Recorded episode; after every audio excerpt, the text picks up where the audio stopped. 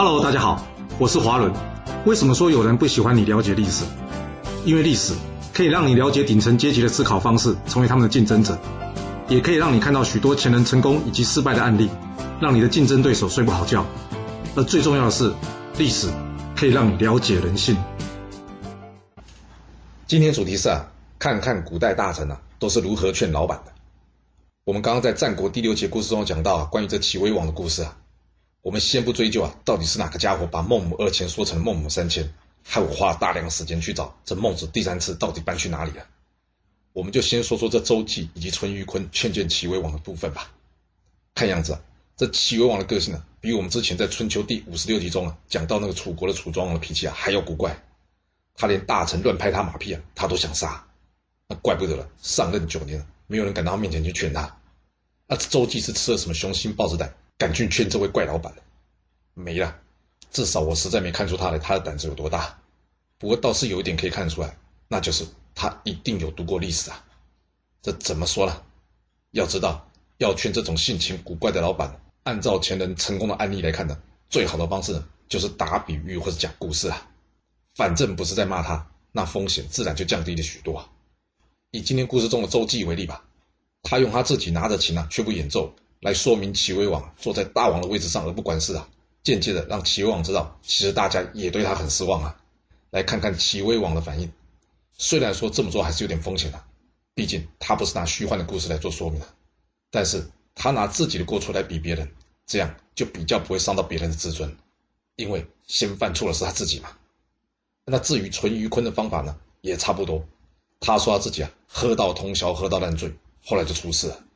他借此提醒齐威王啊，别喝这么多，也别喝通宵。而齐威王也听懂了，之后也从善如流。那你说这两位的沟通案例，是不是刚好可以让我们借鉴一下呢？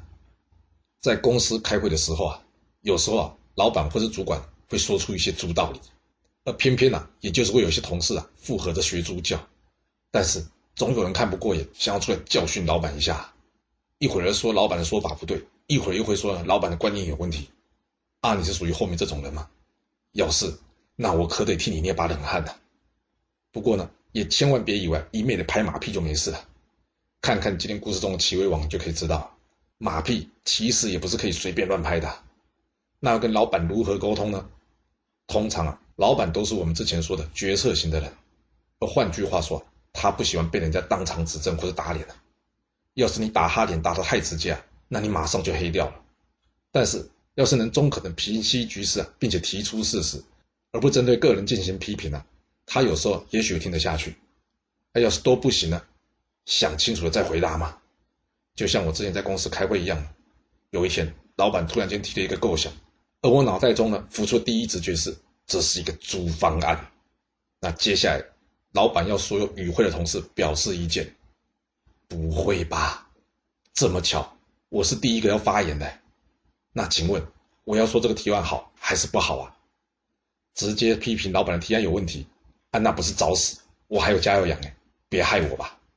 啊，那违背良心说老板说的太好了吗？还有说老板说好，既然这么好，那这个案子就决定让你执行了。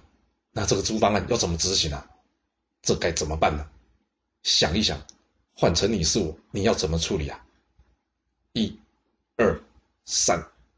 好了，公布一下我的答案，供你参考了。我的答复的重点就是一个字：拖。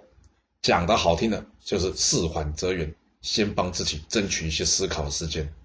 因为有的时候啊，真的是老板的提议不租，租的是自己。因为自己的见识有限，所以误将审提案当成租方案。所以啊，我实在不建议想到什么就说什么。那要怎么拖呢？我跟我老板说，老板。你这提议啊，超出我目前能思考的范围啊！我脑筋没有转那么快，你可不可以让我先想一想？我等等再回答这个问题。这样，第一顺位的回答权就变成我的下一位同事啦。啊，那或许你会问，啊，要是我在第二顺位该怎么办呢？那拖不过，当然就只能直接回答喽。不过抓住一个重点，那就是先讲好的，然后不好地方先保留起来。比方说吧，我觉得这个季度发展重心要放在学校啊，是个很创新的想法。成功的话呢，对于本季度的业绩达成呢，将会有很大的帮助。毕竟过去我们在学校领域的业绩呢表现比较不亮眼。我现在在想啊，应该从哪边开始下手。听懂了吗？听不懂，我就翻成白话文再说一遍。我觉得啊这季度的发展重心呢，放在学校是个很创新的想法。这句话白话文的意思就是：一，这的确是个好机会，但也有可能是二，不会吧？老板你没招了，连这么难啃的领域都要我们去试。那第二句，成功的话，对本季业绩的达成将会有很大的帮助。翻成白话的意思就是：咱要是不成功，那我们就成人了。啊，第三句呢？毕竟过去我们在学校领域的业绩表现比较不亮眼。翻成白话文的意思就是：一往好处想，这是一块处女地，机会很大；但也有可能是二往坏处想，之前多少人都牺牲了，那你要我们去当烈士哦。呃，不过要是我们真的成功了，那就不是烈士，是英雄吧。至于最后一句，我现在在想，应该要从哪边开始下手。翻成白话文的意思就是。呃，下一位该你说话了，我要先想一想了，先听听大家的意见，然后再补充我的想法。当然，你也可以认为我的意思其实是第二种，那就是老板，你看我很积极哦，已经在开始思考执行的方案喽。从头到尾，我有说不做，或是说这个提案不行吗？但换个角度来看，我有说我能做得来吗？这不是滑头，而是保留弹性啊。毕竟所有的资讯都还没了解清楚。而且，究竟有哪些资源也还不确定的时候，若这时候就贸然随便下结论了，并不一定是件好事啊。是否会得罪老板，我不知道。